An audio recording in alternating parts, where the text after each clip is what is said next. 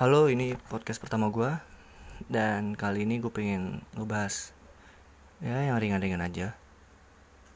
Dan cukup untuk kalian dengar Kalau misalkan mau tidur atau lagi nunggu cucian Atau lagi mau nunggu jemputan Atau lagi ngopi Terserah.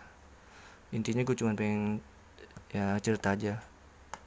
Dan kali ini gue pengen cerita tentang band dulu kali ya.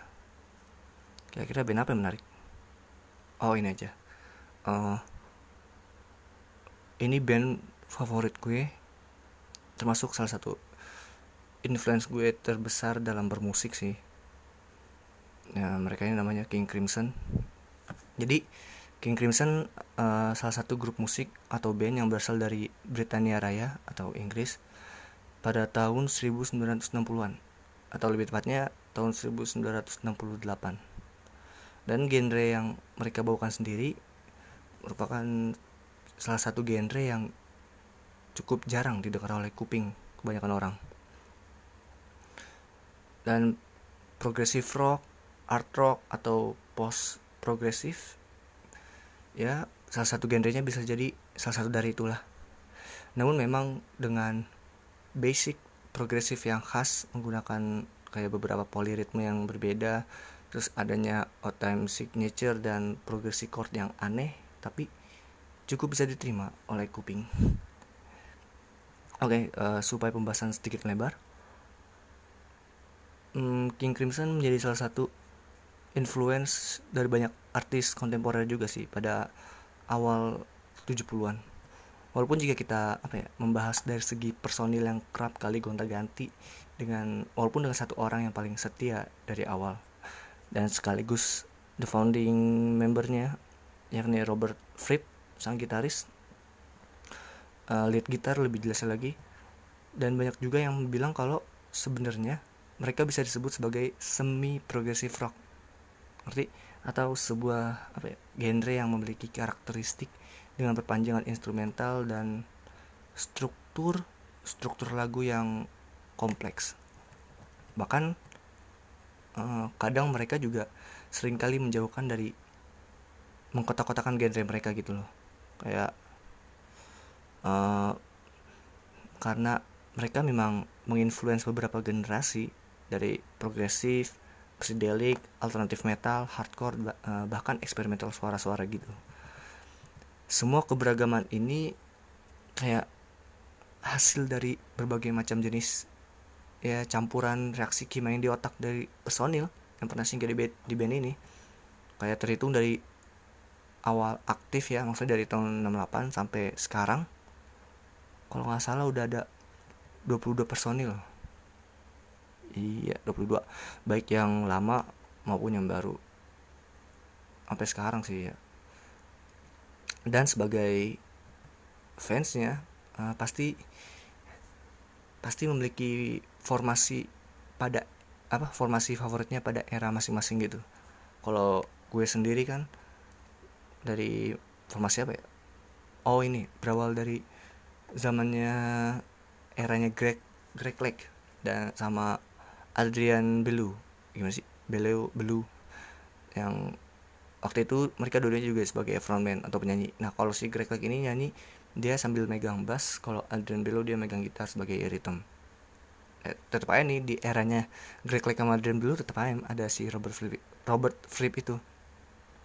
Nah untuk mempersingkat aja dan seinget gue juga gue akan beritahu formasi band yang sekarang kayak Robert Fripp ya udah jelas Doi megang gitar kadang keyboard sama apa melotron gitu.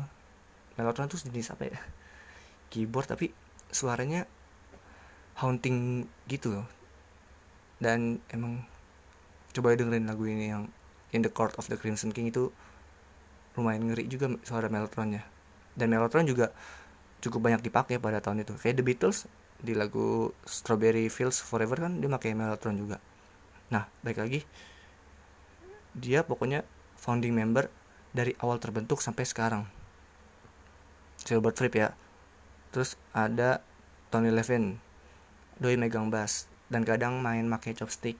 Nah ini dia nih salah satu uh, anggota yang formasinya yang gue suka di era King Crimson tahun 80 akhir sampai awal 90-an yang bareng Adrian Belu pokoknya tuh yang tahun segitu tuh tahun 80 akhir sampai 90-an ada Adrian Belu yang megang rhythm gitar sambil nyanyi.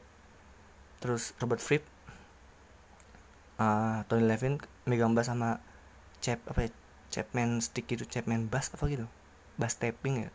Sama drummernya si ini uh, Bill Bruford. Nah itu tuh bahkan empat orang doang ya. Itu udah gila sebenarnya. Dan bahkan dulu pas di album Lux and Lux and eh Lux Tong Tong and As Aspik itu udah ada sih si Bill Burford cuman basisnya John Wetton sambil nyanyi juga dia. Suaranya cukup cukup berat gitu. Nah terus untuk yang sekarang nih untuk drum diisi sama tiga orang. Ini kan gue ngomong member yang sekarang ya. Terus ada Pat Masteloto Gavin Harrison Harrison sama Om Jeremy siapa gitu. Jeremy Teti kali. Nah itu pokoknya apa uh, frontman yang eh frontman member yang cukup terkenal yang sekarang ya. Kecuali si ini si si siapa Tony Levin eh Tony Levin juga main sekarang. Sempat ini kan mereka tour. Ya itu si Robert Fripp Tony Levin Pat Mastelotto Gavin Harrison sama Jeremy. Terus vokalnya ada Jaco Jack Zig gitu namanya doi ritme gitar sambil nyanyi juga. Warna suaranya juga cukup gue suka sih. Kayak penyanyi penyanyi apa? Suara serak-serak gitu kayak penyanyi ini penyanyi gereja. Tapi basisnya rock. Bassnya rock gitu. Ya pokoknya cukup tinggi lah suaranya. Nah uh, sekarang kan udah cukup paham kan sama member-member barunya yang emang sempet tur beberapa belakangan hari. Gue juga nggak tahu apa cukup waktunya kalau ngebahas semua member yang nyatanya memang pantas untuk dibicarakan karena salah satu dari mereka atau bahkan sebagian dari mereka tuh menciptakan beberapa band yang pada akhirnya menjadi terkenal juga. Atau bisa disebut sebagai legenda progressive rock pencetus lah juga. Walaupun sayang sampai hari ini King Crimson belum apa ya belum dipanggil namanya di rock rock and roll hall of fame. Kecuali temen-temennya tuh kayak yes kan udah dipanggil. Genesis Genesis udah belum ya? Terus ELP kayaknya belum juga. Yang penting ras ras udah masuk kan? Yang waktu si speechnya Alex Lifeson nggak jelas gitu bla bla bla bla. Nah oke okay. uh, eh, contoh sedikit personilnya ya sebelum gue bahas sejarahnya lagi. Pertama yang gue suka ya itu dari ada Greg Lake. Doi merupakan era awal lah walaupun bukannya pertama ya. Di King Crimson yang ikut dalam album In the Court of the Crimson King terus uh, In the Wake of Poseidon sama kayaknya terakhir tuh Lizard atau Islands gitu. Kayaknya yang terakhir sih Lizard atau bahkan yang ini The Wake of, of Poseidon. Intinya si Greg Lake ini nggak lama-lama banget di King Crimson terus ya itu pindah. Gabung sama apa ya pokoknya intinya yang paling bikin dia terkenal ya itu. Gabung sama ELP Emerson Lake and Palmer. Sama juga dia. Si Greg Lake nyanyi juga situ sambil megang bass. Cuman bertiga bandnya. Main bass keyboard dipegang sama Kate Emerson terus itu uh, uh, Palmer ya satu lagi. Ya main, main megang drum. Nah terus kenapa Greg Lake kayak merupakan salah satu personil yang penting? Yaitu karena warna suara dia tuh tonnya maksudnya ton nadanya ya suaranya itu emang pas banget buat tahun 60 70-an jenis suara cowok British British rock banget sambil megang bass juga kan. Walaupun bassnya cuma setempat tapi hidup gitu suaranya. Terus akhirnya doi cabut ya udah buat band lain. Ya itu ELP menjadi salah satu pionir progressive rock. Dan itu ntar semoga gue bahas sih. Nah terus ada Ian McDonald. Bukan McD ini beda. Ian McDonald yang juga salah satu member awal. Doi itu awal banget kayaknya dia dah seingat gue Doi itu megang keyboard terus sempat keluar masuk juga. Keluar masuk keluar masuk terus ada Peter Sinfield Doi vokalis sah vokalis sah pertama kali King Crimson sampai keluar karena karena kayaknya ya si Greg Lake masuk. Terus Doi juga menjadi salah satu penulis yang cukup unik ya karena teknik penulisannya tuh surreal dan bertemakan fantasi gitu. Bahkan nyambung-nyambung sama alam atau kayak laut gunung hutan gitu. Ya cukup unik sih terus tadi udah gue kasih tahu ada Bill Bruford ya? Bill Bruford atau Bill Bruford ini? Drummer terunik karena akibat skillnya sih yang kayak mix antara jazz dan progressive rock. Dia jatuhnya apa ya? Drummer fusion sih. Instrumentalis. Lu lihat aja videonya yang si King Crimson yang nyanyi itu uh, yang lagunya lagu instrumental Lark's Tongue and Aspic part 1 part 2 gue lupa di Youtube itu part 1 part 2 gitu. Lihat aja mainnya dia. Gue pertama kali lihat dia juga. Gila nih nih orang aneh anjing. Mainnya dung lihat dah dia instrumentalis. Emang emang dibilang sih dia apa masuk juga jazz fusionnya. Nah itu jadi salah satu era terbaik King Crimson bareng John Wetton nah itu suara berat ya kayak yang megang bass dari penyanyi. Pasti gimana ya? Setiap era tuh pasti ada plus minusnya lah menurut gua. Uh, habis itu berganti kayaknya bis Wetton tuh Arden Belu udah.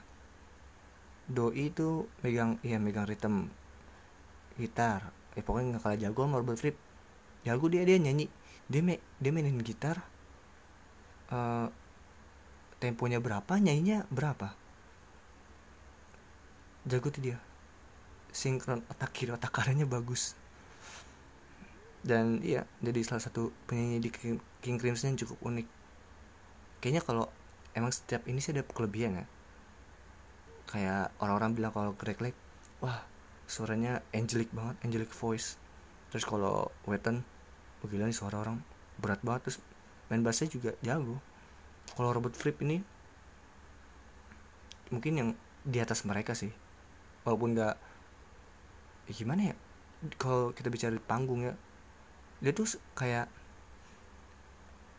ngebawanya ya unik aja gitu. Hampir kayak teatrikal gitu. Kayak si Peter Gabriel di Genesis. Tapi sambil megang gitar makanya itu gila dia jago. Dan ya udah mungkin segitu dulu aja buat member-member yang cukup terkenal. Ntar mungkin gue bahas lagi. Membernya satu persatu. Terus kita lanjut ke sejarahnya. Hmm, atau ini kali dulu ya? Style musiknya dulu kali ya?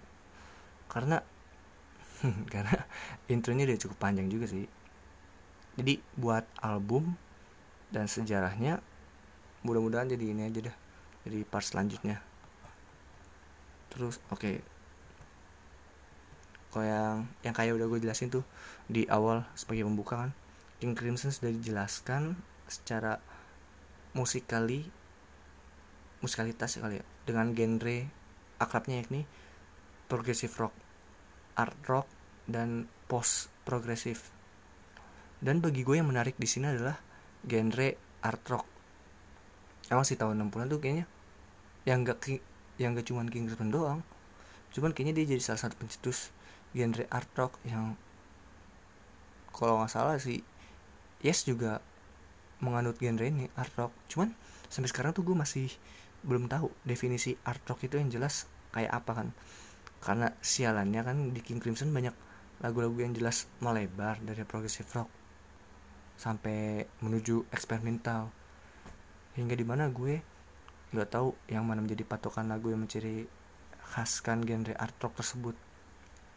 Hmm, oke okay, ntar gue coba pikirin dah. Selebihnya gue lanjut lagi. Ya walaupun dengan pekerjaan-pekerjaan awalnya dijelaskan sebagai protop rock kalau nggak tahu cari aja di Google. Itu maksud gua proto prog progresif. Intinya mah kayak gelombang pertama dari musik progresif rock. Karena para musisi yang terinfluence dari jenis apa gimana ya uh, proto prog itu para musisi yang terinfluence dari jenis klasikal modern dengan durasi lagu yang kebanyakan tidak sehat buat di radio. Yang atau sih radio dulu atau radio di Inggris. Detailnya 5 menit apa sampai 20 menit apa 12 menit boleh. Ya gue nggak tahu. Pokoknya itulah nggak sehat buat iklim radio terus komposisinya yang rumit lagu yang saling terhubung seperti medley. Beatles juga eh Beatles Beatles juga masuknya ada sih lagu medleynya kan. Yang ini yang Golden Slumbers sama apa ya? Tiga kan itu di album Abbey Road. Ya, pokoknya Beatles juga adalah masuk ini. Ya dari Beatles yang Strawberry Fields Forever juga bisa aja kayaknya masuk ke art rock. Ya pokoknya begitulah ya. Musisi yang terinfluence dari jenis klasikal modern. Nah, nah bagaimanapun untuk komposisi lagu King Crimson tuh nggak kayak rock band yang sebelumnya muncul secara, secara garis besar. Dan uh, secara kasarnya kayak menggantikan pondasi blues pada musik rock terus menggantikan dengan influence yang berasal dari komposer-komposer klasik. Ya walaupun sekarang juga banyak sih kayak beberapa lagu yang ngambil secuil beberapa detik dari lagu-lagu ini apa lagu-lagu klasik. Contohnya ya kalau di di King Crimson ya bisa banyak didengar lewat album In the Court of the Crimson King. Tepatnya ya lagu itu In the Court of the Crimson King. Bahkan lagu itu menjadi sempat menjadi start nominal point dari gerakan progressive rock pada tahun itu ya. Dan juga menampilkan influence dari jazz. Lebih jelasnya sih dari signature track uh, lagu apa tuh? 21 21st Century Man lalu masuk juga kayak komposisi folk Inggris di lagu Moonchild Moonchild sama I Talk to the Wind. Walaupun menurut gue pribadi chord dari I Talk to the Wind tuh kayak bass apa ya standar chord J sih. Coba ini bikin lagu ini bahasa nova enak juga tuh. Lalu pendekatan secara komposional atau komposisi komposisi ya. Pendekatan mereka tuh pada awalnya kayak cukup konstan dari versi awal sampai sekarang. Dan menurut gue walaupun mereka kadang belok sedikit ya ya itu cuman sedikit dan karena mereka tuh mengikuti perkembangan zaman musik yang tidak tapi tidak terlalu mengikuti arus. Justru membuat arus berbeda dengan eksperimen itu sendiri. Oke balik lagi ke awal. Penjelasan dari komposisinya. Mereka itu kadang menggunakan motif ritmik yang membangun uh, build up gitu. Ini termasuk tuh apa ya the devil's triangle atau seti, setiga segitiga setan. Sejenis adaptasi dan variasi Gustav Holst. Dia itu ini seorang komposer dari Inggris. Yang lagu-lagunya kebanyakan sih folk gitu. Nah, salah satu bagian dari Mars tuh lagu dari si ini si Gustav Holst lagunya dimainkan sama dimasukin sama King Crimson dengan based on a complex 5 per 4 signature yang dimainkan dengan Mellotron. Coba dengerin. Dan masih ada lagi sih contohnya kayak di The Talking Drums tuh dari album Lars Tongues in Speak sama Industry dari album Tree of a Perfect Chair uh, apa a perfect pair nah kemudian pada bagian instrumental biasanya itu tertanam sebagai brick di lagu di mana mereka memainkan bagian ensemble kompleksitas ritmik dan poliritmik yang cukup sih gitu. Pas aja. Poliritmik kan uh, ini ah poliritmik poliritmik bagi yang nggak tahu ya itu kayak penggunaan bermacam pola irama secara berbarengan gitu. Apa ya? Unison ya? Ya mungkin kalau gitar sama bass nada sama bilang un unison sih. Kadang tiga, kayaknya tiga di unison gitar bass sama keyboard. Ya pokoknya itulah gue gak terlalu tahu apa namanya istilah-istilah dalam musik. Nah di kayak di awal contohnya ada di lagu 24 Century Schizoid Man ketika kita coba masuk lebih dalam kepada kompleksitas poliritmik ritme yang muncul ke dalam dan keluar dari sinkronasi umum satu sama lain uh, gimana ya jelasnya kepada kompleksitas poliritmik terus akhirnya ritme yang muncul tuh ke dalam dan keluar hasil dari sinkronasi umum satu sama lain. Maksudnya tuh beda-beda gitu. Tapi awal tuh beda-beda. Mereka yang drumnya main apa gitar main apa bass main apa tapi itu semua berak itu semua berakhir bersama secara sinkronasi poliritmik lagi. Nah, itu di lagu ini tuh di 21st Century Schizoid Man. Kayaknya tuh di awal-awal. Di awal-awal tuh mereka bareng. Sinkronasi umum sama semua. Nah di bagian tengah tuh yang istilah tadi pada bagian instrumen biasa sebagai break di lagu kan. Mereka tuh udah stand alone biasanya. Gitar stand alone bass stand alone tar nah keluar itu ntar muncul ke dalam keluar itu sinkronisi umum satu sama lain. Nah poliritmik ini banyak sih. Sangat berlimpah di lagu-lagu King Crimson bahkan tahun ini tahun 1980-an kayak berisi lapisan ritme oh ini seperti ada gamelan.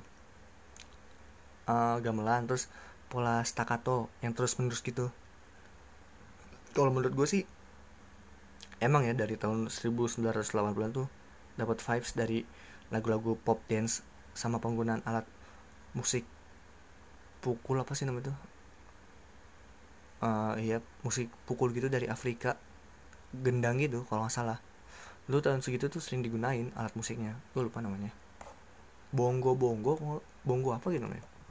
Nah King Crimson itu mempunyai improvisasi yang tergabung ke dalam performance mereka dan studio recordings dari awal. Kebanyakan dari penampilan band dari tahun ke tahun pasti memasukkan setidaknya satu stand alone improvisation. Di mana band ini e, memulai main dan ngebawa musik ya ke mana aja gitu. Termasuk ada bagian hening yang kayak hening aja, diem gitu.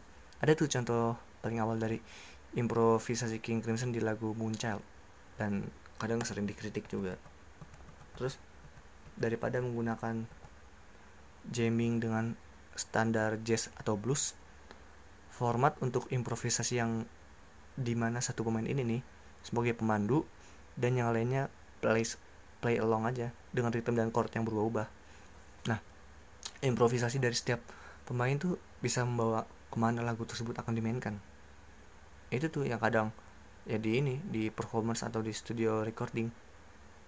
Dan bahkan itu kadang uh, secara apa ya istilah begitulah. Secara kasar dan mudahnya dijelaskan seperti itu ya. Nah intinya musical style mereka tuh kurang lebih seperti itu dan kreativitas antara satu dengan yang lainnya menciptakan hasilnya menciptakan ritme yang kompleks dan kadang sangat susah dicerna oleh kuping yang baru pertama kali dengar mereka. Bukannya gue meremehkan kuping orang-orang atau selera musik orang-orang cuman emang aneh aja gitu kalau denger. Dan mungkin emang kalau kita pertama kali denger musik kan pasti rata-rata sih ya dengar dari penyanyinya atau sih pengalaman gue kayak gitu kayak teman-teman gue gue kasih lagu ini ah penyanyi yang enak. Padahal kan yang coba gue kasih tahu kalau ini tuh apa poliritmiknya tuh ribet gitu atau cukup menantang style musikal style mereka tuh begini komposisinya tuh begini. Cuman ya nah gitulah manusia juga mau denger apa yang mereka dengar kan. Dan kadang yang menonjolkan yang lebih bagus maksudnya dari segi kayak suara pasti kan dicari itu. Ya buat inilah kalau suara paling ya kan enak didengar tuh. Nah jadi bisa gitu di cover cover lagunya lagunya gitu mungkin. Ya kalau King Crimson mah di cover gitu jadi dangdut atau atau lagu apa kek? Bisa aja. Ya cuman itu butuh pemikiran yang cukup ekstra. Nah mungkin pembahasan kali ini cukup sampai sini aja ya. Dan semoga part selanjutnya bisa cepat gue buat.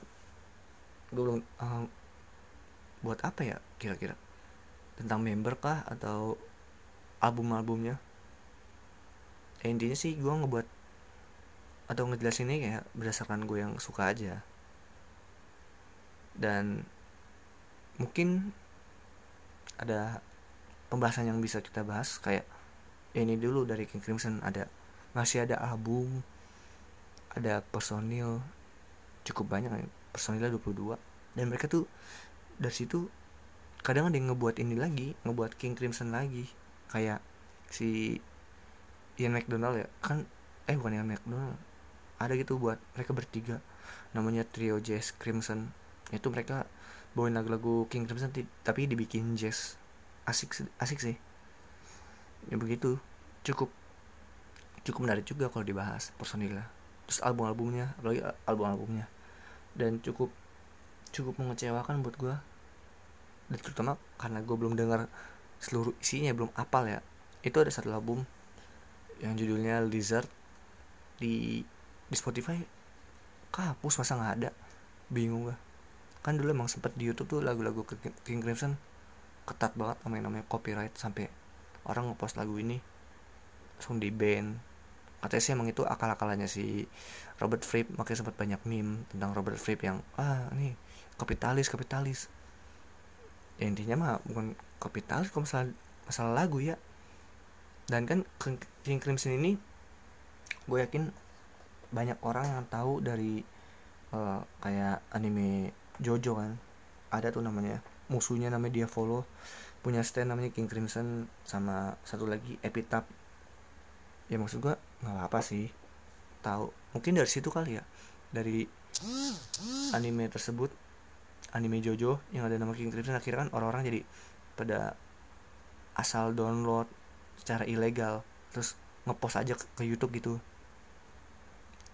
Ya apalagi kan King Crimson ini King Crimson ini bukan band yang cukup terkenal gitu ya. Walaupun terkenal sih cuman pada waktu itu kan belum terkenal banget kayak yang kayak udah punya nama apa gitu band rock semacam Def Leppard, Van Halen, Guns N' Roses, Bon Jovi kan mereka udah punya inilah.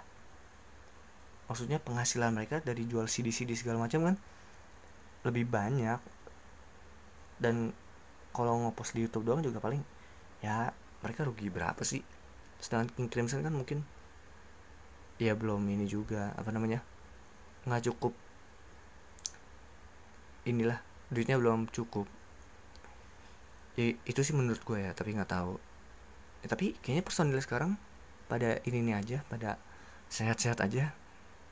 Walaupun udah ada udah ada yang meninggal sih. Nah yaudah gitu ya deh. Pokoknya ya semoga part selanjutnya bisa cepat gue buat. Dan yaudah. Makasih yang udah mau denger dan have a nice day